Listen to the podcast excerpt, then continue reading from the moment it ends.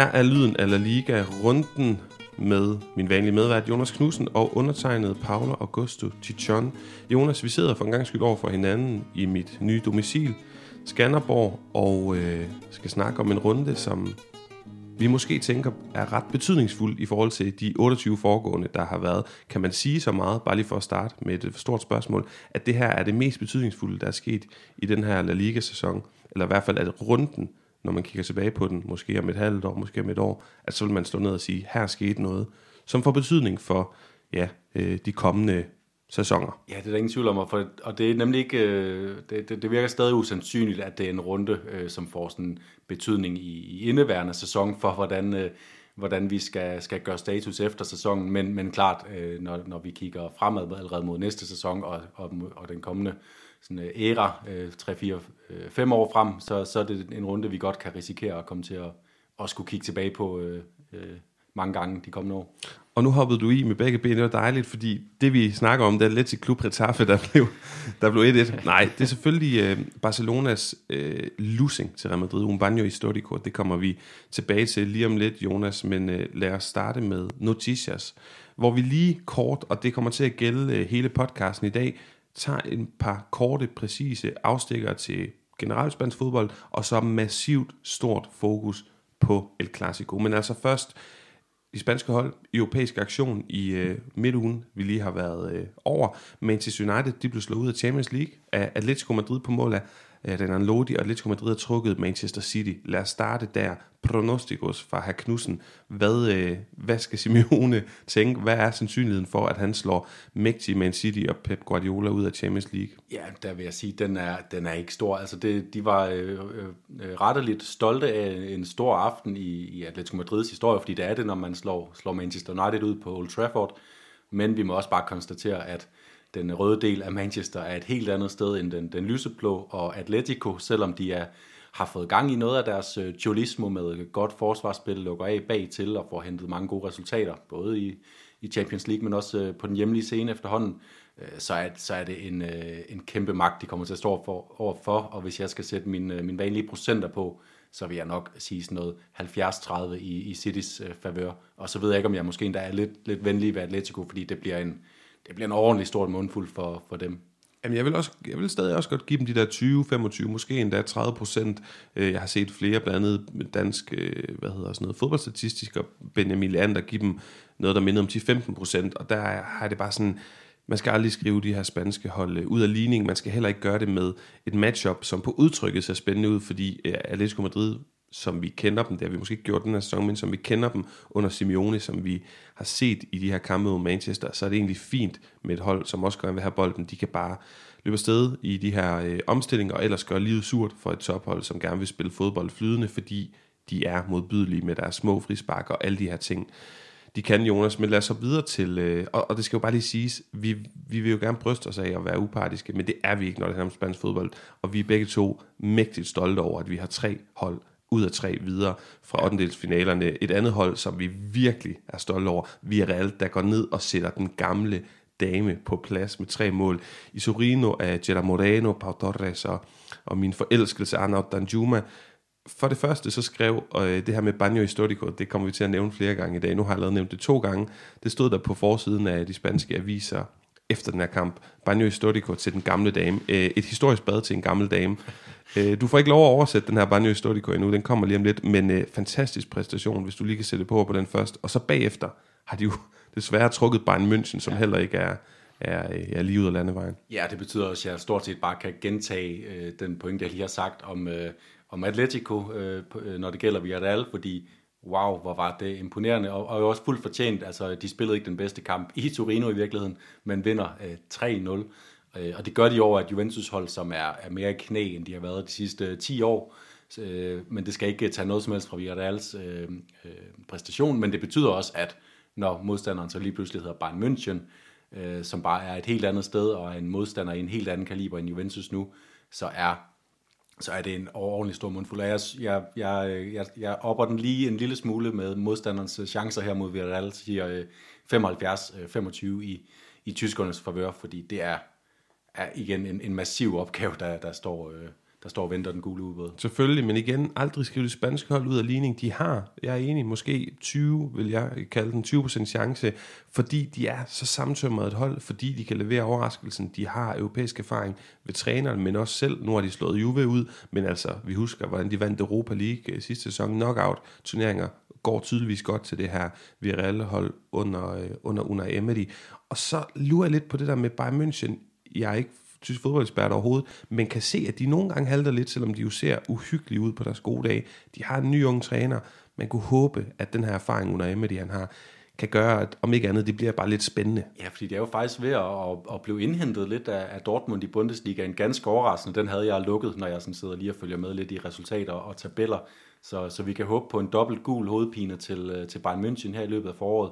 Og så vil jeg sige, i, i, i modsætning til Atletico, som vi skal håbe på, kan øh, knuse kampen med øh, at lade City have bolden måske 80% af tiden, og så udnytte deres kontraangreb og bare frustrere dem i deres, øh, i deres possession-spil, så ved vi jo, at vi har mod hvilken som helst kan gå ind og tage øh, kontrol over kampe, især hjemme på Estadio La Ceramica, så der kan de godt komme til at frustrere Bayern München simpelthen ved at at holde bolden væk fra dem i, i store perioder af kampen. Det evner de, øh, og, og så kan det hurtigt få nogle, øh, nogle spændende perspektiver. Og tredje hold øh, er jo Real Madrid, der har trykket Chelsea. I sidste uge, Jonas, der sad vi og snakkede i podcasten om, at Real Madrid øh, ja, kunne gå med el mundo, altså de kunne spise hele verden, de var på toppen efter det her PSG, der monterede. Vi gemmer lige et pointerne nu, men kigger kun ned på Champions League. De skal møde Chelsea-hold, som er øh, en stor rodebunke, et stort spørgsmålstegn uden for banen. Vi ved, at de her ting kan influere inde på banen, selvom at det jo ikke nødvendigvis har en en-til-en øh, hvad kan man sige, kanal imellem, imellem de her to ting, fodbold på banen og uden for banen. De skal møde Chelsea-hold, som, så vidt jeg kan forstå på diverse troværdige kilder, ikke kan have nogen som helst, hverken hjemmebane eller udbanefans på Stamford Bridge. Kan det spille en rolle, og hvor ligger dine famøse pronostico her? Jamen, den synes jeg faktisk er svær, øh, og, og nu skal jeg også, øh, som, du, som du lige påpegede, prøve at, at lade være med at lade mig påvirke af, at vi sidder her og mandagen optager efter søndagens El Clasico. Øh, meget, rigtig meget kommer til at afhænge af øh, Benzemas øh, status, men mit, øh, mit udenbare bud er, at han er øh, tilbage og klar til, til de her kampe mod Chelsea. Og så synes jeg, at Real Madrid har, har rigtig fine muligheder. Det bliver, det bliver en lige kamp, det er for de forsvarende Champions League-mestre. Det, det er ikke fordi, at de har ser ud til at have fået et, et sådan dyk i, i deres spillemæssige form af den her øh, øh, støj, der er uden for banen. Øh, men jeg vil alligevel godt øh, gå så langt som at sige, oven på det vi så mod, øh, mod PSG, hvis lige holder fast i, i, i ligesom den følelse i Champions League. Vi ved, det kan være to forskellige turneringer for, for Real Madrid, hvordan de præsenterer sig i La Liga, hvis de får et dyk der og Champions League. Så, så siger jeg 55-45 øh, i Real Madrids favør i, den her, i det her matchup. Interessant, og jo også interessant lige at huske på, at det var Chelsea, som slog Real Madrid ud i semifinalerne i sidste sæson af Champions League, så også et uh, gensyn der. Jonas, lad os hoppe til Europa League, hvor det ikke ser helt lige så godt ud med spanske briller. Sevilla røg ud til West Ham, Betis røg ud til Frankfurt, og Barcelona er videre, efter at Pedro Aubameyang scorede uh, nede i en heksekedel i Istanbul mod Galatasaray, og de har så trukket Betis banemænd fra Frankfurt. Hvad tænker vi om uh, deres chancer? I spansk presse snakker man jo meget om, at de, er, de skal være favoritter. Jeg synes ikke, man har hørt dem sige, at det vil være en fiasko, hvis de røg ud. Det kan du også øh, svare på, om, om det vil være. Men det interessante også her, øh, Xavi har hele tiden været i, en Europa League-kontekst sådan meget af, afvigende eller afholdende sagt, øh, vi er ikke favoritter, fordi Sevilla har mere erfaring i den her turnering. Når jeg kigger på de hold, der er tilbage nu, Sevilla er der ikke, Betis kunne have et eller andet, fordi vi har set dem være gode i den her turnering, og fordi både Sevilla og Betis kunne have en form for hjemmebane, fordi finalen skulle være spillet i Sevilla de, de faktorer ligesom skal ud af ligning. Vi har Barcelona, de må være topkandidater nu. Ja, det er de absolut, og øh, jeg vil sige, Frankfurt er ikke den nemmeste lodtrækning, men det siger vi også kun, fordi det er en Europa League lodtrækning. Havde det her været en øh, Champions League og den finale, hvor Frankfurt havde snedet sig videre, øh, så havde vi øh, meldt ud, at det ville være en katastrofe for Barcelona at ryge, og det synes jeg også, det vil være. Øh, Frankfurt er et godt hold, det så vi mod Betis, som de også møder, på et tidspunkt, øh, hvor, hvor tingene ikke helt øh, spiller for dem. De har fået et lille dyk efter, øh, at de øh, ellers kom flot videre i Copa del Rey, kom til i finalen, og som om de godt kunne fortsætte lidt på den bølge, så, så, så, så dykkede de lidt. Øhm, og uanset hvor gode Frankfurt er, så er det stadigvæk, øh, så er det stadigvæk en, en, en modstander, Barcelona skal kunne spise over to kampe, så øh, hvis jeg giver, øh, hvis jeg giver City øh, 70% chance for at slå Atletico Madrid ud, så giver jeg Barcelona 80% for at slå, slå Frankfurt ud. Den, den skal de simpelthen kunne, øh, kunne klare over to kampe. Og hvis vi lige skal opsummere her, fire hold, spanske hold videre i Europa, tre i Champions League, en i Europa League i øh, form af Barcelona. Jeg tror, et hold i hver, kan man sige, kategori går videre. Et af de spanske hold er de tre i Champions League, og et i form af Barcelona i Europa League, og så har vi altså en hver øh, repræsentant i semifinalerne, hvis det går som jeg prædiker. Hvad siger du? Ja, det, det tror jeg er meget realistisk, øh, og, og der kan vi bare vende, vende tilbage til min pronostikos, at der, det er et nålår, Villarreal og, øh, og Atletico skal igennem, så øh, vi kan sætte vores lid til, at Real Madrid går videre, og, øh, og som, jeg, som jeg sagde, Barcelona, de, de skal simpelthen gå videre, og så vil alt andet vil være øh, icing on the cake, altså hvis Atletico eller Villarreal sniger sig med videre i, øh, i en semifinale.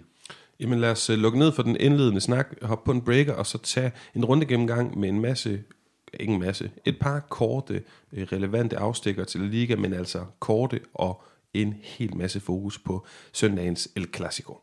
Concentrado, ¿qué es ese jugador? Sí, jugador, sí. Concentrado. Coentrao. Coentrao, ahí está. Coentrao, coentrao. Muy bien. Jonas Vane tro resultater fra runden, der er gået fredag aften, fik vi Atleti Klub mod Getafe 1-1 på mål af Juli og Enesional igen igen, og røde kort til Jorge Cuenca og Jakub Jankto. Lørdag fik vi en bundgyser Alaves Granada 2-3, masser af mål, sen og vital scoring af kolumbianske Luis Suarez, og altså uhyggeligt vigtige point til Los Nazaris, som de hedder, Granada-holdet, øh, i kampen om overlevelse, hvor de altså hopper to point over stregen, mod en intern nedrykningskonkurrent. Elche og Valencia spillede senere lørdag, og Valencia vandt 1-0 på et mål af Gade, som altså dermed afgjorde Derby de la Comunidad Valenciana og Ojo. Det er altså kun Vinicius og Benzema, som har været involveret direkte i flere mål i La Liga end portugiseren, som vi må sige har gang i en god sæson. Osasuna Levante blev 3-1. Åh, Levante. Over på den anden side, Osasuna, eh, øh, Ruben Garcia spiller en god kamp, og en lille ja, en kort Daniel Alves her, det bliver ikke Mirel Daniel Alves, men en fed historie. Han spiller en god kamp inden landskampspausen, som han bruger på at tage til Ukraine og aflevere nødhjælp personlig klasse fyr Ruben Garcia. Rayo Atletico, lokal Madridens derby. Atletico vinder 1-0 på mål af Koke. Endnu et skridt i den resultatmæssige rigtige retning for Cholos tropper.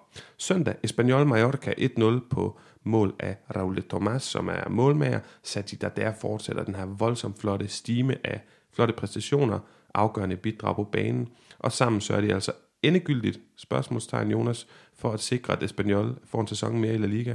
Er det fair nok? Ja, det, det er en færre betragtning. Også uh, taget de andre resultater i bunden uh, den her runde i betragtning, så, uh, så ser de ret sikre ud nu.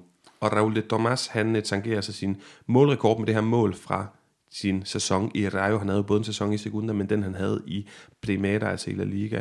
Og han har jo en fin håndfuld kampe tilbage til at udbygge sin personlige rekord. Cardis Villarreal, et uh, derby i at spille i gul, når man er på hjemmebane. Villarreal havde sin røde trøje på den her kamp. Cardis vinder 1-0, vanvittigt vigtigt mål af Ruben Sobrino i det 90. minut. Der tilhørende sejr for Cardis i det her opgør. Og Cardis springer over eller overhaler Mallorca i tabellen og ligger altså over stregen for første gang siden november. Vanvittigt vigtigt for dem. Selv til Betis, to offensive hold, masser af mål plejer de at stå for, og store defensive spørgsmålstegn alligevel, så sørger de for en 0-0 kamp. Lidt kedelig søndag, vi fik her i starten. Det fik vi også i Sevilla, eller det aldrig også blev 0-0, og jeg lagde mærke til det første gang, der tydeligt er blevet hørt piften af Lopetegi på Sanchez Pizjuan. Holdet, må man sige, Jonas, er gået i stå. Lopetegi betaler måske nu for sin sådan lidt resultatister tilgang. Altså det her, i de første par sæsoner, synes jeg, vi så ham være meget spændende øh, som, som træner i Sevilla, og et godt match, og temperamentsfuld, flot fodbold, som det hører sig til dernede. Nu har han været mere resultatister i den her sæson, og måske han betaler pris nu. Dimitrovic afværet et meget velspillende La Real-mandskab. Og til sidst, Real Madrid-Barcelona 0-4 hvor skal man starte? Barcelona, der gav Real Madrid un baño histórico. og Jonas, nu synes jeg, du skal fortælle lytterne, hvad det betyder, un baño histórico. og du kan jo lave den direkte oversættelse, og så bagefter en mere passende på dansk. Jamen, det er jo et øh, historisk øh, øh bad, et, simpelthen at man bliver, øh, man bliver øh, neddykket i, øh, i, i vand, øh, bliver, øh, ja, og man kan jo sige, at FC Barcelona de er med, med at drukne øh, Real Madrid, Øh, og det er, jo, øh, der det er jo det her med, at, at, at målene regner ned over modstanderen. Man, øh, man, øh, man ikke bare på måltavlen, men også øh, spillemæssigt, så overfalder man modstanderen og er bedre på, på alle parametre. Og, øh, og, men sidst, øh, altså allermest centralt, så, så refererer det til, til måltavlen, at der er en overbevisende øh, vindermargin. Øh, man får scoret en masse mål. Øh, og der, derfor den her metafor med, med vandet, der ligesom bare, øh, ligesom når man står i et brusebad, bare skyller ned over modstanderen mm. og efterlader dem våde og kolde og triste. Og nu er du jo redaktør på et øh, forlag. Kunne man lave sådan en løs øh, over, oversættelse, der hed øh, altså Barcelona gav Real buksevand? Det, det vil man godt kunne. Det efterlader i hvert fald en med den samme øh, fornemmelse af, af at stå i noget vådt og, og koldt tøj bagefter, alene ude i skolegården. Meget mere om det nu, Jonas, hvor jeg... Nej, jeg synes lige, inden vi, vi tager et klassiko, som til at fylde stort set resten af programmet, så øh, jeg har nævnt de her resultater fra runden. Jeg er kommet med et par pointer øh, ind imellem kampene. Er der noget, jeg har glemt? Er der noget, du sidder og brænder ind med, inden vi ja, dedikerer resten af, af programmet til El Clasico? Nej, jeg synes, de, de to resultater, jeg lægger mest mærke til, det er, det er altså først og fremmest Sevilla, øh, der øh, igen er øh, uformående over for mål, og, og du siger det her med, at Øh, Lopetegi måske er blevet resultatista. Jeg har intet problem med, at Sevilla bliver straffet nu, for ikke at have prioriteret det og, og, øh, og have offensive idéer. Altså, der er ingen offensive idéer, det her Sevilla-hold. Det var også et problem, synes jeg, for dem i den periode af sæsonen, hvor det gik godt for dem resultatmæssigt, at de skulle, øh, der skulle for mange tilfældigheder til, før de, de kom frem til, til, til målchancer og til at kunne score mål. Og derfor så var det også lidt, måske at de, de leverede lidt over, over evne i forhold til, til det pointantal, de egentlig fik. Og det synes jeg bare, at så fortjener man ikke at, at være med i mesterskabskampen, når man ikke kan sammensætte en, en, en, en mere slagkraftig offensiv. Jeg kan godt dele den her pointe, du har med, at man skal straffes for at være sådan lidt konservativ eller kedelig på det her punkt. Men kan man ikke godt forstå Lopetegi, fordi han har haft to sæsoner med det her hold, sluttet i top 4, gjort det fint i Europa, øh, har fået bygget et virkelig godt hold op og fået beholdt nogle af sine profiler.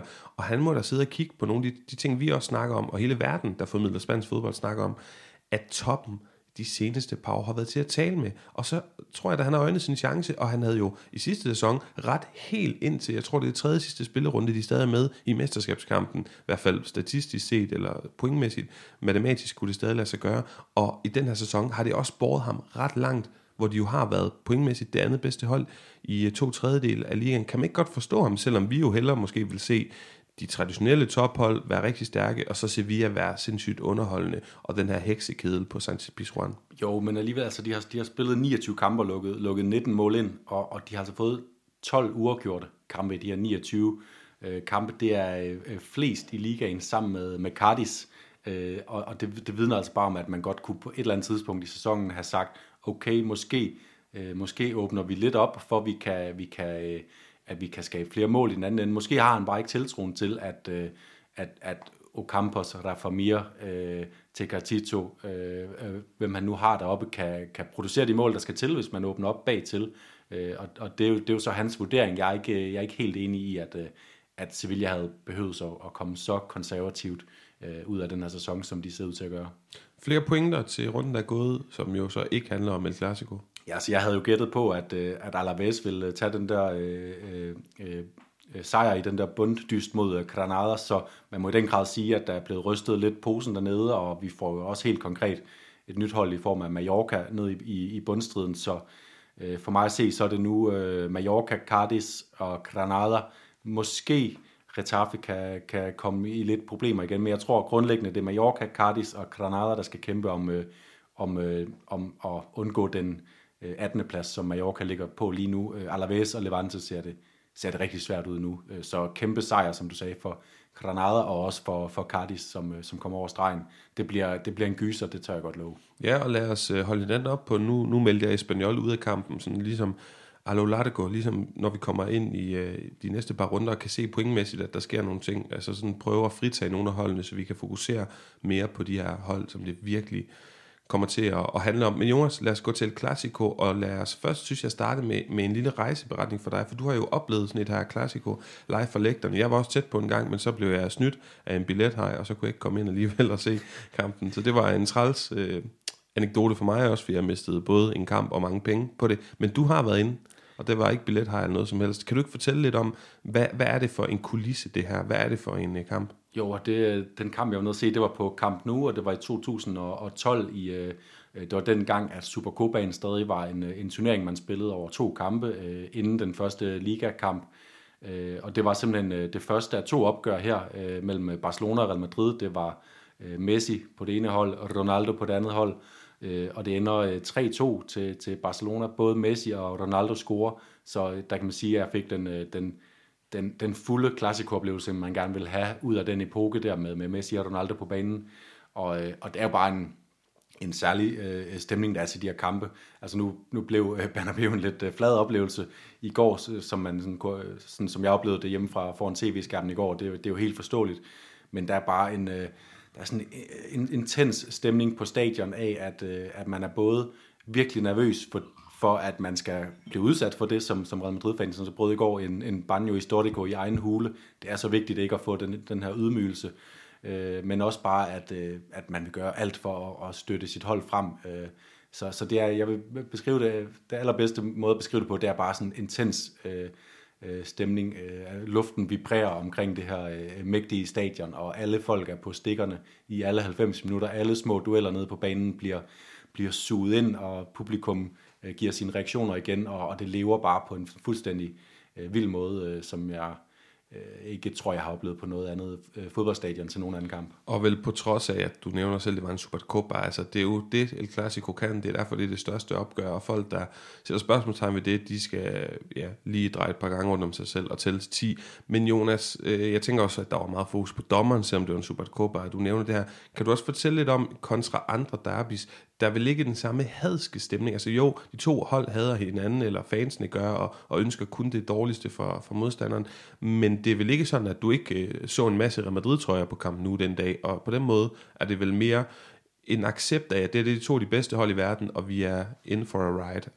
Ja, og der kan vi jo vende tilbage til vores, vores snak, vi havde for nylig om, øh, om, om øh, sådan det, stadionkulturen i Spanien, at det er almindeligt accepteret, at når man sidder på stadion, så kan man holde med et af de to hold, der selvfølgelig, hvis, når, hvis der var 99.000 tilskuere, hvilket der nok var, så er der jo nok øh, 97.000 af dem, der primært holder med FC Barcelona, fordi der stadig ikke er den her øh, decideret deciderede udbane øh, kultur. Men jeg sad øh, på et afsnit, øh, helt almindeligt afsnit, ret højt oppe, og der var Real Madrid trøjer rundt om mig, der var, øh, der var øh, tydeligvis venner, der var tydeligvis øh, kærestepar og sådan noget, der kom med hver deres øh, trøje på, og når øh, Real Madrid scorede, så rejste man sig og jublede. Man var ikke bange for øh, repressalier. De, den energi, der, der sådan er, bliver lagt ned over det af, af hadsk stemning, den bliver meget rettet mod aktionerne nede på banen og spillerne, når øh, Peppe har bolden, så er der ikke nogen på stadion, der, der, der er stille, fordi ham kan man ikke lide, og øh, når Ronaldo scorer, så, så er der også sådan, øh, fyldt med sådan øh, forbitret øh, øh stemning. Øh, så det er mest, mest energien fra tilskuerpladserne ned på banen, at det her, øh, det her øh, intense had, det kommer til, kommer til udtryk mere end på, på tribunen og rundt om, om stadion i øvrigt. Mm. Lad os så gå til søndagens kamp, hvor Barcelona sætter Real Madrid på plads, viser, hvor skabet skal stå. 4-0, sejr på udebane. Det har de gjort før, det her med at give Real Madrid en vaskeægte lussing på, ja, i, på, i egen hule, eller hvad man siger, på Bernabeu. Øh, jeg kunne egentlig godt tænke mig at starte med Supercopa de España i januar, hvor vi, Jonas, øh, og du, og jeg kan egentlig godt lide dit udgangspunkt, sagde, lad os lade være med at snakke om det, fordi der er heller ikke en grund til at give det for meget betydning, det her åndssvage koncept nede i Saudi-Arabien. Men jeg kan huske, at jeg så den kamp på en bar i- med min far i, øh, i Aarhus, og ind kom øh, 4-5 forskellige spanske madridistas. Og jeg snakkede med dem med min far, vi har det her spanske baggrund, så vi snakker spansk, og snakkede med dem, og, og de var alle sammen enige om, at selvom Madrid vandt 3-2, så var de decideret harme, altså de var irriteret, de var øh, rasende stort set, over at Real Madrid ikke satte Barcelona mere på plads dengang, fordi niveauforskellen var til at tage at føle på, og der var en tanke om, at Real Madrid vandt, som de egentlig har gjort i de her fem El Clasicos, de har vundet i streg før søndag, ved bare at gå op i anden eller tredje gear, men ikke give den fuld smadre. Kan du genkende den der om, at når Real Madrid vinder El Clasico øh, komfortabelt, så får de ikke gjort, altså så får de virkelig ikke givet Barcelona en losing, men der er et andet had, eller øh, øh, jeg ved ikke, hvad forklaringen er, men Barcelona er bedre til, når de virkelig øh, står der mod centralmagten, så smadrer de dem bare, når de har muligheden. Ja, altså de, øh, det, er, øh, det, er jo, det er også, har nok også noget at gøre med, at FC Barcelona har jo historisk set i det her forhold mellem de to, følt sig som den part, der står med, med, lidt, med ryggen mod muren, og er presset ud i deres hjørne op i, i Katalonien, og står mod en, øh, i virkeligheden, i, i FC Barcelona-fans og spillers øjne, I står imod en, en overmagt, hvor Real Madrid mere, øh, kan man sige, for, for at give det sådan en positiv klang, altså de hviler mere i sig selv, og at øh, og det, det er ikke bare en, endnu en kamp for Real Madrid, selvfølgelig er det ikke det, men det betyder endnu mere for FC Barcelona at kunne give de her øh, Banyos Historicos, og Øh, Det var et fantastisk øh, øh, øjeblik der øh, til sidst i kampen, hvor Morten Klindvad også i sin kommentering lige får nævnt, kan vide, om, øh, om Piqué ikke snart skal, skal liste med op, så han kan, kan, kan lure muligheden for at vise sin øh, Manita, sin øh, klør 5, øh, stik den op i luften på Banabeo efter kampen, og sørge mig om ikke også han stille og roligt lister frem i, i minut 90, uden dog at, at, få, øh, at få noget ud af det, han lister tilbage og, og deltager i det opbyggende spil, men det betyder så sindssygt meget, især for sådan en karakter som, som Piqué, som er vokset op med den her øh, øh, fortælling om, om FC Barcelona og Real Madrid og deres indbyrdes forhold, så betyder det bare så meget for en som ham, og ligesom sætte maksimal trumf på. Lige så snart man har Real Madrid øh, under sin tommelfinger, så skal, den, øh, så skal den tværes så meget, man overhovedet kan.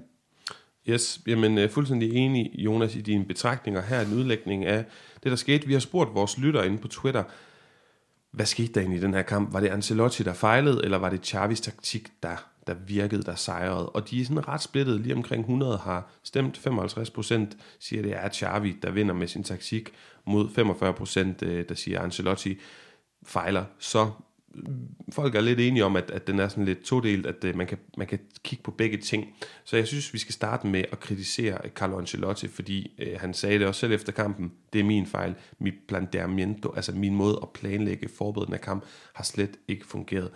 Man sætter Nacho ind på venstre bak, nok fordi man frygter Dembélé. Man sætter Valverde ind i stedet for øh, en tredje angriber, nok fordi man også frygter Jordi Alba. Det har fungeret før i El Clasico, at, at Valverde han skulle mandsopdække Jordi Alba ingen angriber, fordi Ancelotti foretrækker at være lidt konservativ, og jeg synes, der er nogle paralleller til første kamp mod PSG, hvor man også går ind til kampen og siger, lad os bare undgå at tabe den her kamp.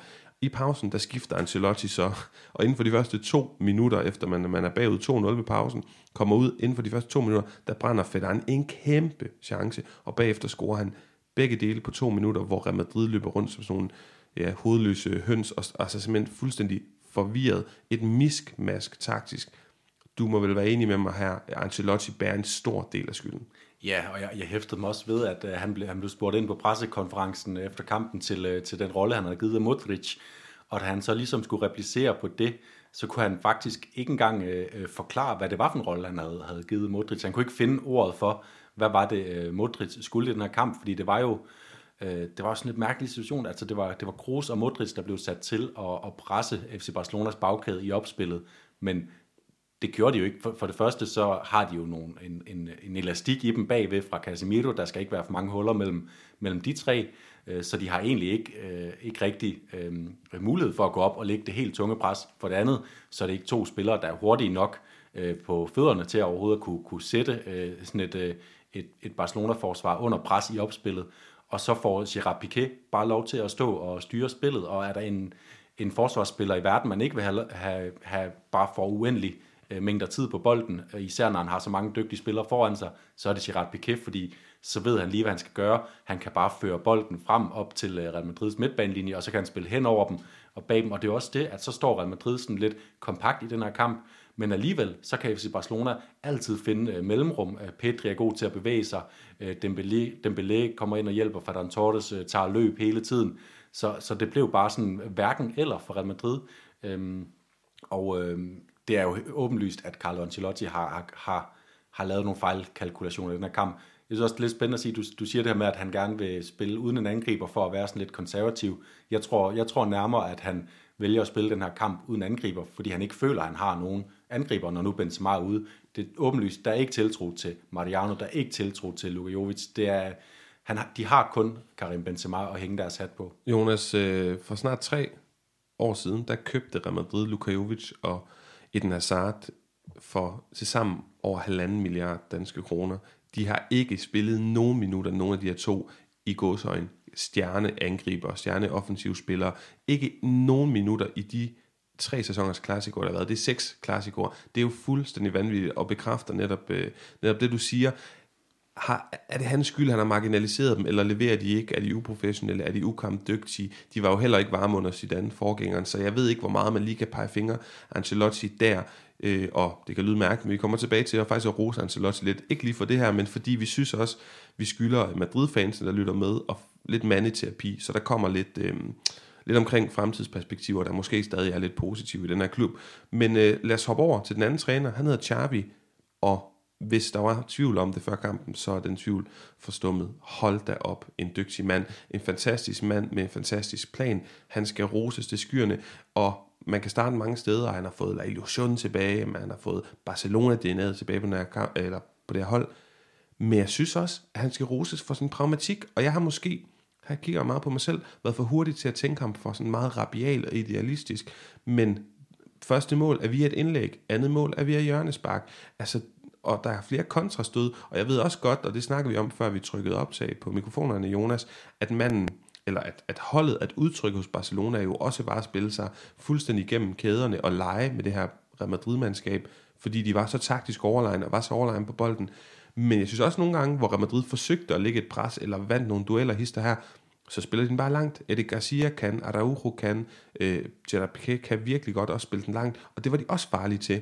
Så personligt, så vil jeg starte med at tænke, eller begynde fra nu af at tænke Xavi som en fantastisk taktiker, både idealistisk, men så sandelig også pragmatisk. Ja, det blev allermest, allermest konkret i hans valg af øh, at, at, at placere øh, Ronald Araujo på den her øh, højre bak. Man kan sige, skulle han have holdt 100% fast i sin i også nogle af de ting, der faktisk har fungeret på det sidste, og har været med til at sætte øh, Barcelonas spil i gang, så kunne du pege på, på Dani Alves rolle, som, den, som han også kommer ind i øvrigt og spiller, øh, nærmest som, øh, som sekser det sidste kvarters tid af kampen, og, og ligger og dirigerer spillet. Havde man sat øh, Daniel Alves ind fra starten i den her kamp, så er jeg ikke sikker på, at det var Barcelona, der var kommet foran, fordi Vinicius øh, får stadigvæk en, en fin start på kampen. Altså Araujo vinder den første duel, så vinder Vinicius den næste. Øh, men øh, Ronald Araujo havde bare meget mere styr på, på Vinicius, end, jeg, end Daniel Alves ville have haft. Han ville have været kommet på hælene over for, for den, her, den her unge brasilianer.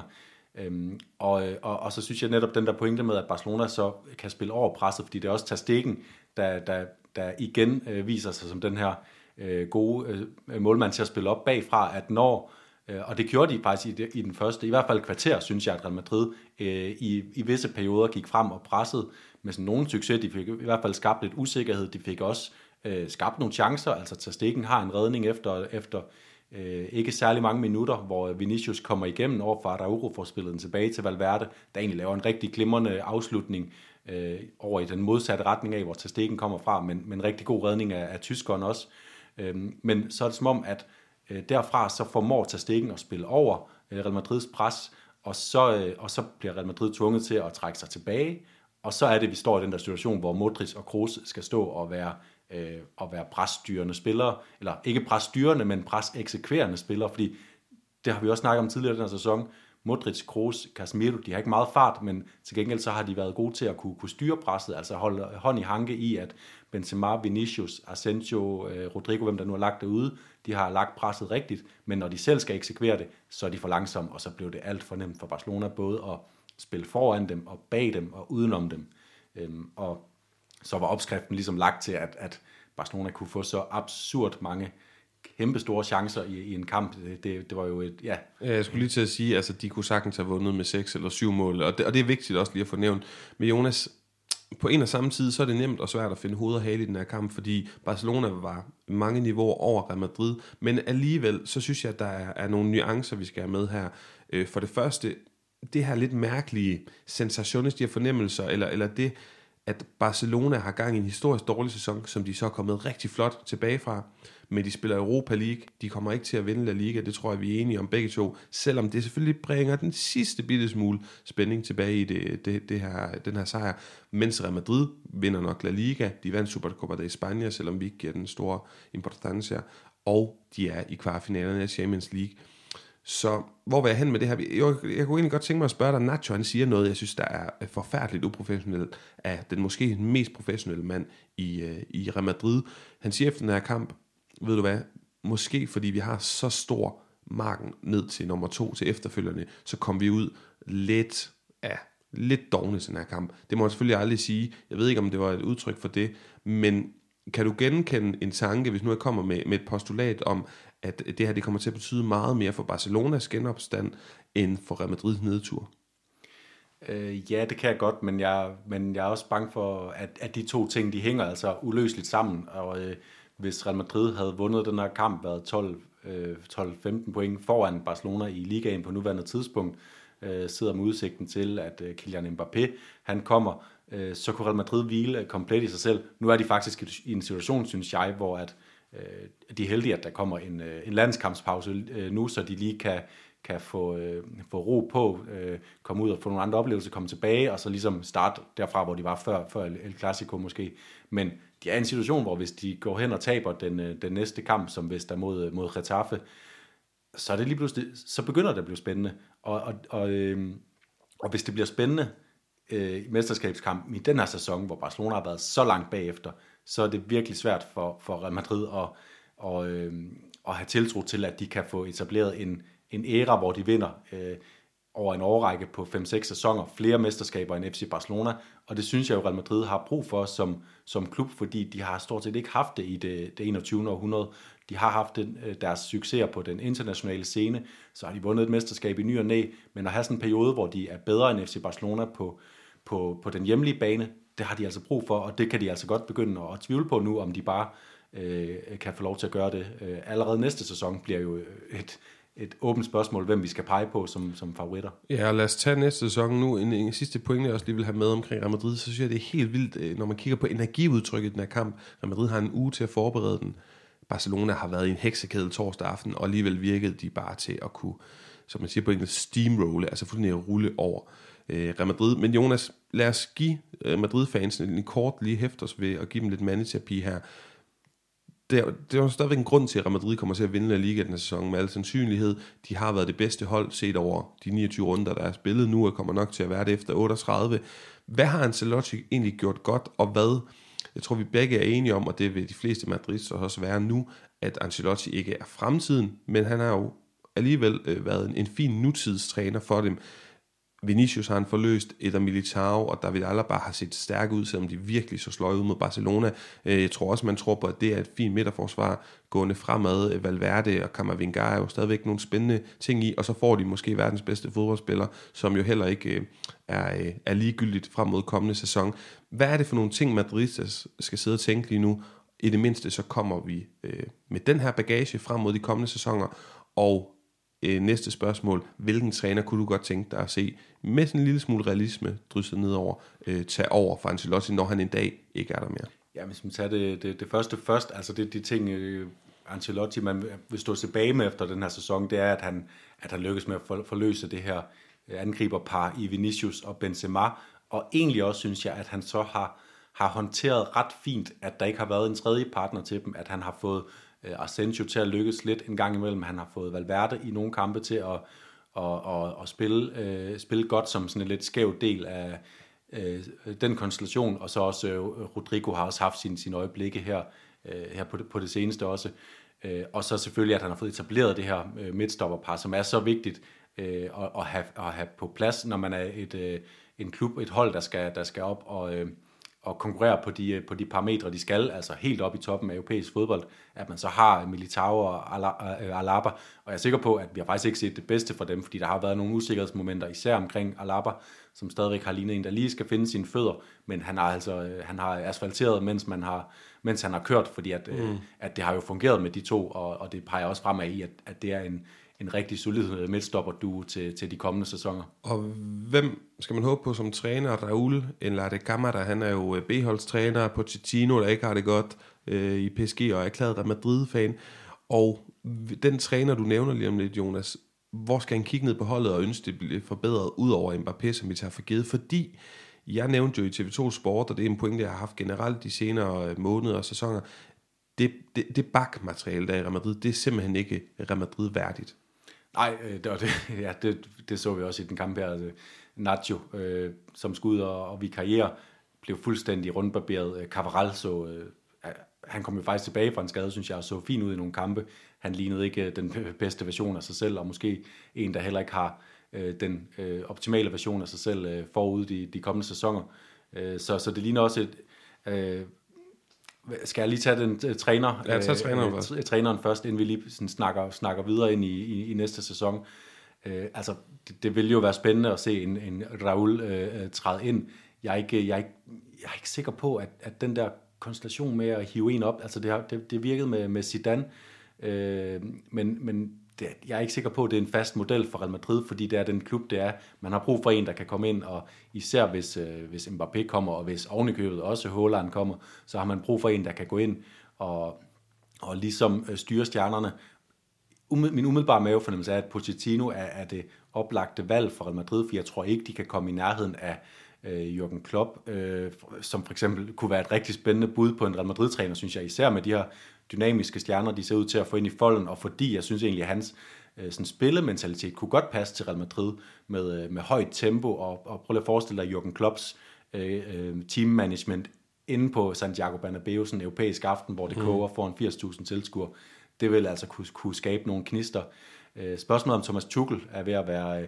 Og er ved at være en ledig øh, fyr med, med de ting, der sker i, i Chelsea, så kunne jeg godt have ham over Pochettino, fordi jeg synes også, han har nogle, øh, nogle bedre idéer. Han har vundet Champions League med Chelsea. Pochettino, vi mangler at se, øh, vi mangler, det var virkelig flot at få Tottenham i en Champions League-final. Det var jo over al forventning, men vi mangler at se ham øh, agere overbevisende øh, sæson efter sæson på den, på den allerstørste scene, og det har vi set Tuchel, de ting han gør med Chelsea lige nu, de er, de er rigtig gode. Så mm. egentlig vil jeg hvis, jeg, hvis jeg skulle bare ansætte en, og havde frit valg på alle hylder, øh, så ville jeg gå med, med en af de to tyskere, hvor Tuchel nok er den mest realistiske. Ja, godt bud, øh, Jonas. Øh, Julian Nagelsmann ved man, de har haft øh, spurgt før. Ellers Xabi Alonso skal også nævnes, men som du siger med Raul mere uprøvet, og er det det rigtige sted at gå lige her nu, hvor Mbappé og vil vi begge to være enige i, forhåbentlig et par bak, nye bakspillere øh, skulle på vej til den spanske hovedstad. Var det ikke det for Real Madrid, fordi det store, man sidder efter den her Clasico, det store samtaleemne, der hvor man har lyst til at lægge det meste energi, er jo i Barcelonas fantastiske sejr. Så det synes jeg, vi skal, vi skal fokusere på nu, Jonas der er så mange ting, så mange nedslag efter den her kamp. Jeg synes, Eddie Garcia spiller en fantastisk kamp. Jeg ved godt, du fremhæver, øh, hvad hedder det, Pjol, skulle jeg til at sige, Piqué, men, men jeg synes også, Eddie Garcia viser her, at man ikke skal give helt op på ham øh, endnu. Jeg synes, øh, Araujos pragmatisme, omstillingsparathed, hvor skal de bare skynde sig og skrive en lang kontrakt øh, med ham, og så skal han, han tog sig også lidt til baglov på et tidspunkt. Øh, bliv nu ordentligt klar, Araujo, fordi du, er, du kunne virkelig være en La Liga-profil. Øh, så ikke så mange skader til ham. Pedri, Gavi, vi behøver ikke sige det mere, men vi skal jo, fordi de er fantastiske hele tiden. En ting, jeg godt kunne tænke mig også at snakke om efter den her kamp, det er, og jeg har, jeg har nævnt det igen, men nu lader jeg være med at mynte det så meget på Dembélé, men der er meget illusion i den her Barcelona-camp nu. Der er det her med, på spansk siger man acete piña, at man laver, øh, hvad hedder det, ananas. Og det betyder, at man som gruppe, altså laver sådan noget teambuilding, og virkelig står sammen som gruppe. Jeg synes, der var noget af det her, efter målene vi så, altså de, de hænder kram hinanden. Det er virkelig et hold, og selv nogle lidt specielle typer, som Dembélé og Aubameyang, tager, tager del i det af hænder og hilser på Gavi. Og, ja, på den måde synes jeg virkelig, at man kan mærke, at det er en god gruppe, de har fået sat sammen. Og jeg tror, vi glemmer, at øh, Xavi, da han kom ind, også sagde, øh, vi skal have en mini der Det gjorde Zidane også i sin tid, da han tiltrådte som Madrid-træner. Kiggede på det og sagde, I er jo ikke i god nok form.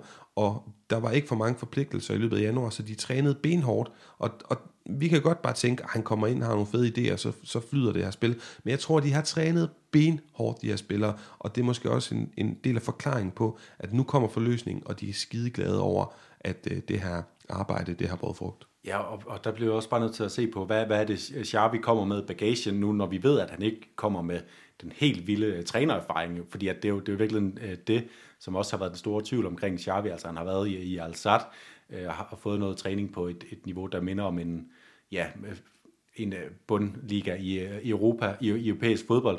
Øh, men det han kommer med, det er, at han har været som spiller en Øh, anførende del af et af de bedste øh, klubhold i verdenshistorien. Han har været en anførende del af øh, et af de bedste landshold i verdenshistorien. Så han ved jo om nogen, hvad det, hvad det kræver, og, og han ved godt, at man ikke bare kan øh, have den rigtige idé og de rigtige spillere på det rigtige tidspunkt. Man skal også Øh, man skal også arbejde fuldstændig øh, hjernedødt målrettet på det, og det er også en, en arv, hvor han måske har mere, øh, hvor han måske mere aftager til Guardiola end, Øh, en øh, Johan, Johan Grøf, som jo var mere på idéerne end, end på, på, det, på det hårde arbejde måske. Øhm, og, og Pep, vi ved jo, at det, det kan man jo bare se, det stråler ud af, af sådan en fyr som Pep Guardiola på hans pressemøder, hvor målrettet han kræver, at øh, hans spillere de arbejder, og hvor meget de skal tænke på fodbold hele tiden, og hvor god fysisk form de også kan holde sig i. Det var jo også i den her periode, hvor Lionel Messi begyndte at, at spise anderledes for at kunne optimere sine præstationer og løfte sig til uanede højder. Så, så den, den træner, der kommer med den øh, viden om, hvordan man øh, skaber en gruppe, der, der får succes, og det, er bare, øh, det, det, det har bare manifesteret sig så meget tidligere, end man, end man troede, at det, det, det på nogen måde, måde ville kunne. Hvis vi går to-tre måneder tilbage, så sad vi og snakkede om nogle helt andre ting, også efter Xavi var, var tiltrådt. Mm. Ja, og, og nogle paralleller til, altså jeg synes, øh, mange glemmer, øh, at han fik en lidt haltende start. Det var lidt heldigt, ligesom Guardiola fik en meget haltende start, som, som Barcelona-træner med et par øh, liga-nederlag, hvis ikke jeg husker helt forkert. Og så, så, så lurer jeg på, at jeg er faktisk ret overbevist om, at, at inden han tiltrådte der i sen efterår, så har han fået lovning på, at der skete noget i januar. For jeg synes virkelig også historien om den her øh, oprejsning hos Barcelona, er historien om Aubameyang, nu ikke Adama Traoré øh, lige de seneste par kampe, men alligevel Ferran Torres, Dani Alves og så videre. Jeg kunne godt tænke mig at kigge ind i fremtidsperspektiver, som ser meget lys ud, og det er vi jo glade for, som La Liga øh, følger, Jonas, du og jeg, det kommer til at se godt ud, og vi vil gerne have et stærkt Barcelona for at have et stærkt La Liga. Og det er ikke for at finde hår i suppen, men jeg kan godt tænke mig at tegne kridtstregerne op, fordi Dembélé er stadigvæk længere fra øh, at blive en, en omvendt. Øh, Adama Traoré er på lån. Aubameyang har en alder, hvor jeg også tænker, Piqué, Jordi Alba og Busquets skal ind i en gruppe, hvor man siger, vi kan allerede nu godt sige, at, at det ligner et hold, der kan sagtens gå hen og vinde La Liga i kommende sæson og blive et godt hold. Men internationalt, der kan det godt være, at det lige tager en sæson mere at bygge op. Så det ser rigtig godt ud, men der er vel også nogle ting, han stadigvæk skal kigge på. Arbejdet er jo ikke gjort færdigt endnu. Nej, og, og der er jo der er nogle, kæmpe, øh, der er nogle spørgsmålstegn, fordi øh, nu, øh, nu sidder vi efter en kamp, og jeg vil også synes, vi skal nævne uh, Sergio Busquets uh, præstation. Uh, han lignede bare uh, den spiller, som var uh, ubestridt verdens bedste uh, sekser i, i en lang årrække det er han lige nu igen, synes jeg, fordi at det er ikke kun øh, den her El Clasico, det er også de, de seneste kampe, altså øh, den her øh, øh, gode tendens under Xavi, den, den hænger også rigtig meget på, at Sergio Busquets er begyndt at spille øh, rigtig godt igen. Øh, men det er rigtigt, at de har jo i den her sæson manglet, øh, når, når Sergio Busquets ikke har spillet godt, når han har været skadet, så har de manglet at, at vise, at de kan erstatte ham i kampene. Er det Frankie de Jong? Det har det ikke sådan 100% lignet. Måske det godt kunne være det nu, når, når man også har fået etableret nogle kampe, hvor Petri og Gavi har spillet sammen. Men måske man skal ind og kigge på øh, her i sommer, og ligesom, ligesom polstre øh, nogle af de steder, hvor, hvor de gamle drenge spiller. Altså vi ved, at Andreas Christensen øh, med al sandsynlighed øh, lander i, i Barcelona til sommer. Øh, de har ikke nogen backup for, for Jordi Alba, det ved vi. Vi så også Daniel Alves, øh, hvad han hedder, spille, spille venstre bak, øh, ud over sekser i, i den her klassiko ja. i hans indhop. Jeg ved ikke, hvordan han, hvordan han nåede det hele med de gamle ben. Og så er højre bakken jo stadigvæk en udfordring, fordi selvfølgelig skal det ikke være øh, Ronald Araujo, der skal spille den permanent, fordi det peger ikke øh, frem heller i en international sammenhæng, hvor Barcelona skal hæve sig på og, og spille øh, deres spil.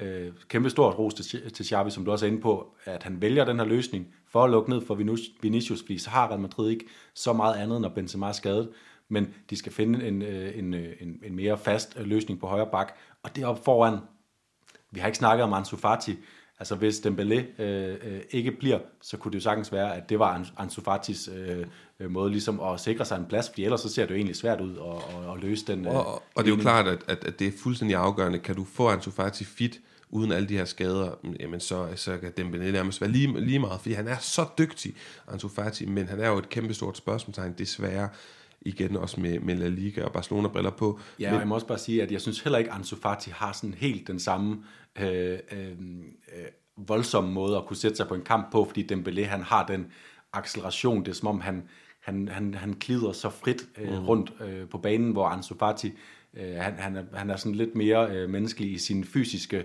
øh, fremtoning, og det samme kan man jo sige om Ferran Torres, så det at man har de forskellige typer, at man har Dembélé på den ene side, og så enten Ferran Torres eller Ansu Fati i nogle forskellige konstellationer, det vil kun noget, hvor at hvis man mister Dembélé, så mister man Dembélé, og, og ham mm. har man ikke, synes jeg, sådan helt erstatningen øh, for i truppen i hvert fald. Nej, men helt enig, øh, fuldstændig enig, Jonas. Men det er også mere den her balancegang i, at øh, Chavis, øh, altså det ser fint ud på udtrykket for det meste, og resultatmæssigt ser det også fint ud, men da vi så Elias Akromak, eller hvad han hed, og S. Abde, øh, så, så, så, så haltede nogle ting alligevel, selvom han var dygtig, og vi blev ved med i efteråret at sige, at de her folk spiller primært, fordi der ikke er bedre alternativer. Ikke nødvendigvis, fordi de har gjort sig fortjent til at slå en Dembélé eller Ferdinand Torres eller andre store stjerner af, fordi det var jo ikke tilfældet dengang.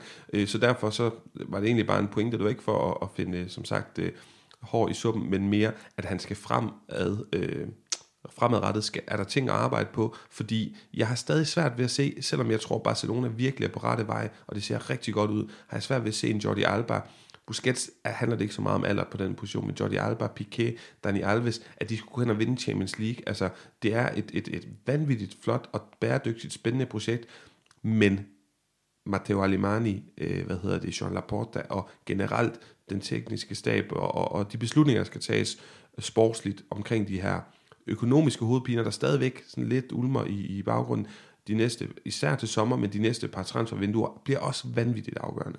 Ja, så kan vi, så kan vi lidt vende tilbage til, til de her navne, når, når vi snakker om, om hvad der skal ske øh, fremadrettet, så snakker vi om, så snakker vi bare om Mbappé, og vi snakker om Holland. Altså jeg tror, det vil være en, øh, jeg tror faktisk, det vil være en dårlig beslutning af Barcelona at bruge øh, alle deres øh, penge, og også flere penge, end de har på at hente for eksempel øh, Holland.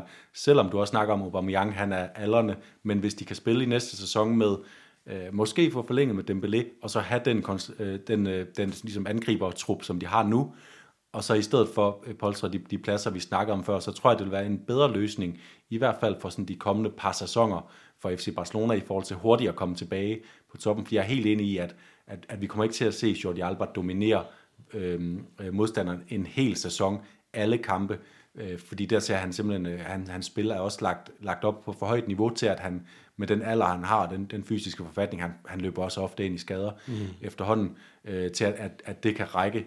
Øh, så, så det bliver en sindssygt svær balancegang. Og ligesom Real Madrid ikke er, er, er sendt øh, ud af ligningen med det her øh, nederlag, så Barcelona heller ikke bare, øh, vi, vi kan ikke bare sige, at de er tilbage der, hvor de var for 5 til, til, til 10 år siden. Altså det, det vil være for, for nemt købt. Der er stadig meget arbejde, der skal, der skal gøres. Det, det er jeg helt enig i. Jonas, jeg ved ikke, vi skal jo til koringerne også om lidt. Hvor meget El Clasico mm, du har, du har repræsenteret i de koringer, men har du flere pointer, som ikke er koringer, så øh, kan du fyre dem af nu, inden vi øh, hopper til prisuddelingen. Jeg vil, lige, jeg vil egentlig lige sige, at vi har jo egentlig stort set ikke snakket om, at, øh, at Xavi med undtagelse måske er højre bak, hvor han måske alligevel, uanset han havde haft alle klare, havde valgt øh, Ronald Araujo på den her højre bak.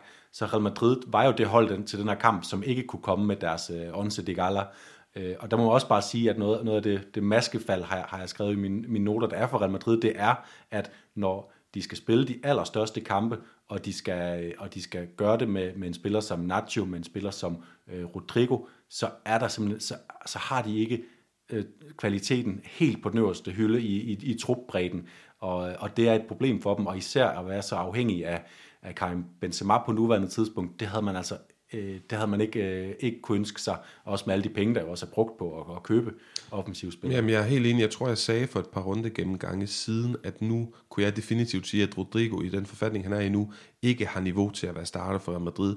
Nacho gælder det samme. En fantastisk trupspiller og klubmand, men ikke en mand. Altså, du ser, hvordan han, han er fuldstændig overmatchet i den her duel mod Usman Dembélé og Carvajal, som er fast starter, som er den bedste højreback i truppen, han er heller ikke god nok til at med. Han, Nej, så kom Lukas Vazquez også ind og var virkelig øh, sløj, og det, og det er også bare en spiller, som jeg har altid haft min tvivl om, hvor, hvor, hvor meget kan han, og han kan ikke være med på det, når det er det allerhøjeste niveau. Han er en rigtig god spiller for Real Madrid i løbet af sæsonen, fordi han kan sagtens spille med øh, på øh, højt La Liga-niveau, men når det rigtig spidser til, så har han bare ikke øh, kvaliteterne eller overblikket til at, til at, at, at spille med. Men med de ord, så lad os hoppe på øh, sidste breaker i dag, og så kommer nogle øh, prisuddelinger, som måske, måske ikke er præget af El Clasico. jugar tiki-taki, tiki-taki, donde hay no espacio. Yo creo que hemos hecho que tu- tuvimos que hacer. Es intentar cambiar el partido en en otra manera. Jonas, øh, vi starter med El Detallazo, og jeg kan da sige, at min går ikke til noget, der skete i El Clasico, men til Granadas venstreback, tidligere Sevilla, Escudero, som jeg ved ikke, om du har set situationen øh, i den her kamp, øh, hvor de vinder 3-2 i Baskeland mod Alaves. En hjørnespark, et hjørnespark, der ryger direkte ind i feltet. Og jeg, jeg tror, det er Alex Collado, den øh, Barcelona-udlejet Alex Collado, der, der simpelthen saver den fra hjørnesparksfladet direkte ind i feltet, og så smadrer venstre bak Escudero direkte, fuldstændig rent øh, træffer han for på bolden, bolden op i, øh, op i nettaget bag Pacheco. Vanvittig flot øh, scoring, og det er desværre ikke noget, der skete for et, et stort hold, der en stor profil, fordi så vil man fremhæve det der, og så vil det der klip gå viralt. Sindssygt svær øh, manøvre og virkelig flot udført. Og en, en dejlig spiller. Jeg kan huske lige, lige de par sæsoner, hvor han var øh, første valg for Sevilla, dejlig, dejlig venstre bak type, synes jeg. Øh, han blev så overmatchet af, af, nogle, øh, af Sergio Reguilon og, og hvem der ellers kom, kom efter. Øhm, så, så fint med en, med en koring til ham. Jeg har simpelthen øh, jeg er gået øh, benhårdt med, med El Clasico, og, og så vælger jeg at gå med, med det oplæg, Pierre-Emerick Aubameyang laver, fordi han får scoret sin mål, men det overblik at, øh, at spille øh, en spiller fuldstændig plank foran målet øh, med en øh, taconazo øh, øh, ind, i, ind i Real Madrids felt, det, det var altså sublimt lavet, og der var nogle situationer i kampen, hvor at Aubameyang viste, at han ikke helt har sådan det der øh, høje tekniske niveau, øh, som skal til for at spille i de helt små rum, men det der var altså en detalje, øh, som virkelig kan, kan, øh, kan skabe nogle ting for, for Barcelona. Ja, virkelig flot. Det selv jeg også hæftet mig ved. Jonas El Huron, den bedste spiller, der har været i runden, er gået. Øh, jeg har skrevet Dembélé, Aubameyang, Pedri, Edek Garcia. Jeg kan ikke rigtig vælge. Kan du hjælpe mig? Jamen, jeg, jeg er gået med Aubameyang, fordi at nu, øh, øh, nu, nu sidder vi også og snakker om hans alder, og han er kommet, hvor meget skal han betyde for Barcelona. Man må bare sige, at han er trådt ind med fuldstændig øh, som en, øh, en målmagt, og at han øh, scorer de to mål i, i den her øh, klassiko, Clasico, laver et oplæg. Øh, han er, ja, og scorer på forskellige måder. Han, øh, ja, det, det, det var en fantastisk præstation, og så er det også lidt for sådan at give ham den, den kredit, han nu har, har gjort sig fortjent til i løbet af en måneds tid. Og jeg ved ikke, om den er søgt, men nu snakker jeg om det her med, at, at, at Xavi også er mere pragmatisk, end jeg som udgangspunkt havde tænkt ham der er noget symbolik i, at han jo tilbage i tiden, et, også et, et citat, der er gået viralt efterfølgende, sagde om Aubameyang for flere år siden, at han ikke var en Barcelona-type angriber, fordi han i citationstegn, det var det, man slet ikke kunne læse imellem linjerne, bare var en spiller, der løb øh, og var, var hurtig og var kritisk foran mål, men ikke kunne deltage i opspillet. Men der må vi bare sige, at enten er Charles blevet klogere, eller også Aubameyang har han mere i, øh, hvad kan man sige, øh, Øh, i arsenalet har han flere våben at skyde med. Ja, jeg synes måske egentlig lidt af begge ting, fordi han var, han var altså en, en, en, en bullerbasse, da han, øh, da han spillede i Dortmund. Men øh, det er som om, han, han også, og, og det er jo den kloge beslutning for spillere, som lever så meget på deres fart, det er at ligesom stille og roligt, som man, man kommer op i alderen, så lige at, at, at, at bygge nogle ekstra ting på. Og selvom hans, hans boldteknik ned i det, der hedder Øh, tæmninger på små områder, små afleveringer, øh, stadigvæk ikke er på toppen, så har han bare bygget nogle, nogle andre ting på, og for eksempel også hans, hans evne til at, at stå det rigtige sted i feltet, som, som bare er blevet bedre og bedre med årene, ligesom vi kan sige om, øh, om, om Karim Benzema, som altid har været en, en topangriber, top topangriber også, synes jeg, men som bare har, er blevet bedre og bedre med årene til at stille sig de, øh, de rigtige steder. Jonas øh, Douglas, Daniel Alves skala, en positiv og negativ historie for ugen, der er gået. Øh, en negativ historie, den øh, for mig siger sig selv, og du er jo æstetisk selvudnævnt. Jeg har også udråbt dig som æstetisk ekspert. Du kan ikke have været helt tilfreds med de fodboldtrøjer, der var, ja, vi fik lov at se de to hold iklæde sig til Clasico.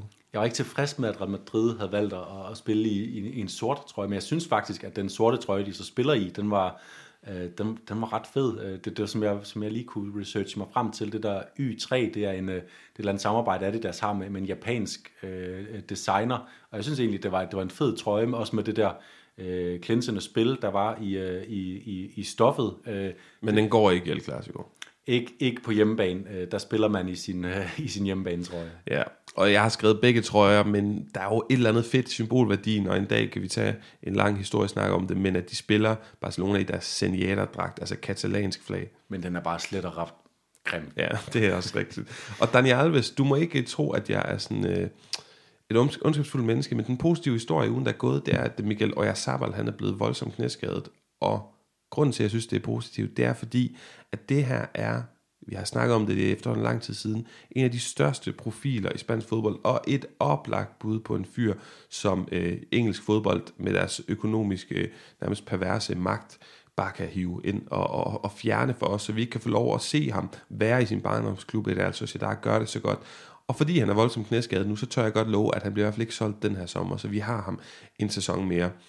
Jeg ved, at Manchester City har været ude efter ham, og, og han sagde nej for den omgang, men han var fristet af det, og jeg er bange for, at han på et tidspunkt tager det her spring. Men hvor ville det være fantastisk, hvis han gik hen og blev sådan en one-club-player, eller en Iago Aspas, der i hvert fald havde sin bedste år i øh, spansk fodbold. Vi kan bare krydse fingre, og knæskaden er selvfølgelig mega uheldig. Jeg ønsker ikke nogen spiller øh, skadet, men lige her er det sådan lidt heldig uheld, hvis du forstår, hvad jeg mener. Ja, jeg kan godt frygte, at Manchester City er blevet lidt for dygtige i deres øh, sportslige planlægning, fordi det også, os, der har fulgt La Liga, øh, øh, øh, mere end vi har fulgt Premier League gennem tiden. Vi ved jo også, at Premier League-klubberne tit har brugt deres mange penge på at handle ret øh, impulsivt, øh, og, og der vil man sige, at så bliver de skræmt væk af, at Oyarzabal for det første ikke har set sådan helt på toppen ud i løbet af siden nytår i hvert fald, øh, og så også er skadet. Men jeg tror bare, at Manchester City har, har for godt gang i deres sportslige planlægning, til at de lader sig stoppe af, øh, af, af lige præcis det. Men jeg håber øh, for guds skyld, du har ret, fordi at, øh, det var fedt at se, og Sabal fortsætte i Real Sociedad.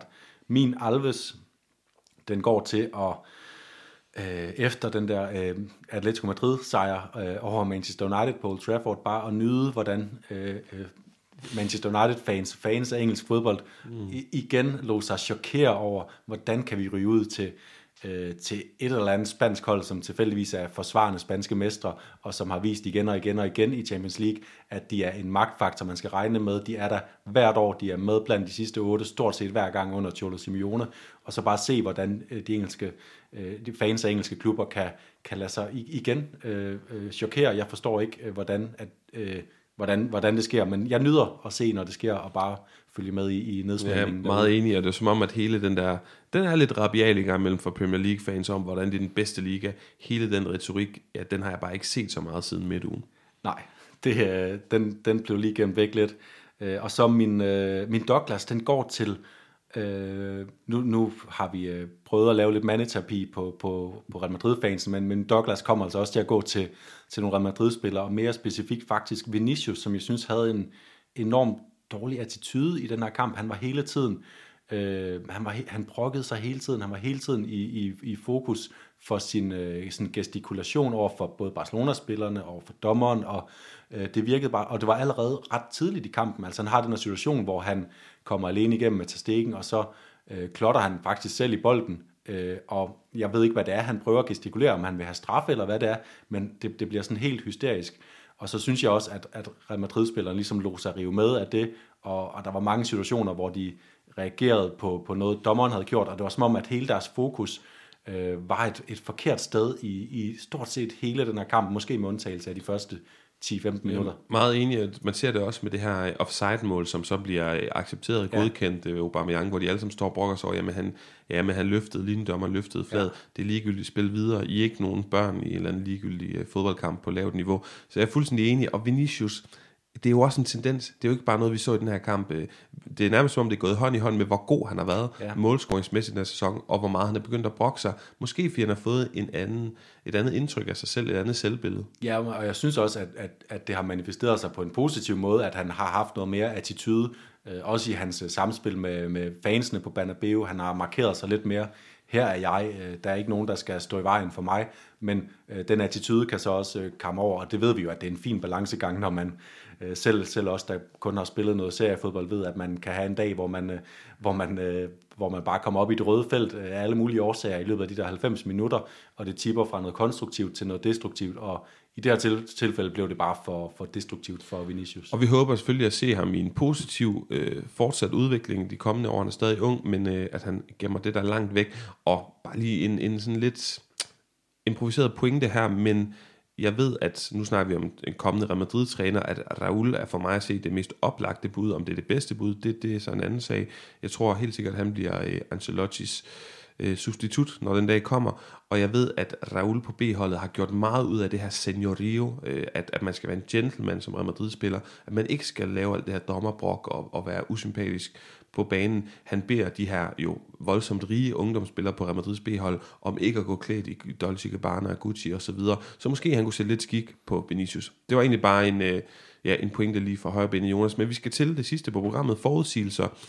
Jeg har det sådan, når jeg snakker fodbold, når jeg prøver at analysere fodbold og formidle det, så har jeg sådan en værktøjskasse med forskellige ting, øh, man ligesom kan tage op og bruge til at analysere. Sådan er det jo, når man analyserer alting her i livet. Og i den værktøjskasse, der har jeg sådan, jeg vil ikke kalde det en Rasmus modsat, men sådan en ting om, at fodbold, bloody hell, altså fodbold er altid uforudsigeligt, det kan altid øh, vende på en tallerken, og tingene er aldrig så nemme, som de er. Det er, den, det, er det værktøj, jeg bruger, når alle tænker, Juventus vinder over Villarreal i Champions League for eksempel, eller at, øh, ja, for at nævne et legendarisk fodboldeksempel for fodboldhistorien, at Liverpool ikke kunne komme tilbage mod AC Milan den aften i Istanbul. Og det er den samme slet ikke så voldsomt, men den samme, det samme værktøj, jeg tager op, når jeg kigger mod kommende runde, hvor Sevilla og Barcelona skal spille. Fordi Sevilla er på en nedadgående går Barcelona er i en opadgående formkurve. Og derfor, med det her værktøj i hånden, så siger jeg, at Barcelona taber point. Jeg ved ikke, om de taber kampen eller spiller uafgjort, men det er min lidt modige, lidt måske naive forudsigelse, og øh, for at strikke den sammen med holdet.dk og de forudsigelser, vi, vi leverer derind til, så synes jeg, man skal kigge på Tecatito Coronas, når Sevilla har manglet noget gnist, noget, noget, sprud, altså noget sprudende i det offensive spil i de øh, sidste ja, mange uger, mange måneder, mange kampe, så synes jeg alligevel, at Tecatito har leveret det fra sin øh, position som kandspiller. Han er billig på holdet i K, 4,5 millioner, så jeg synes, man skal gå ind og købe ham til sit hold, hvis man altså ellers tør gå lidt imod strømmen og tro på, at Barcelona ikke øh, nødvendigvis øh, vinder den her kamp. Ja, spændende bud. Han har også overrasket meget positivt, at han har så meget øh, øh, sprudlende potentiale til at, at kunne sætte mænd fra, fra det her, vi snakker om også med, med, med Dembélé og Vinicius og sådan nogle, øh, sætte mænd fra, fra et nulpunkt, og så bare trække udenom. Øh, virkelig en, en sjov spiller.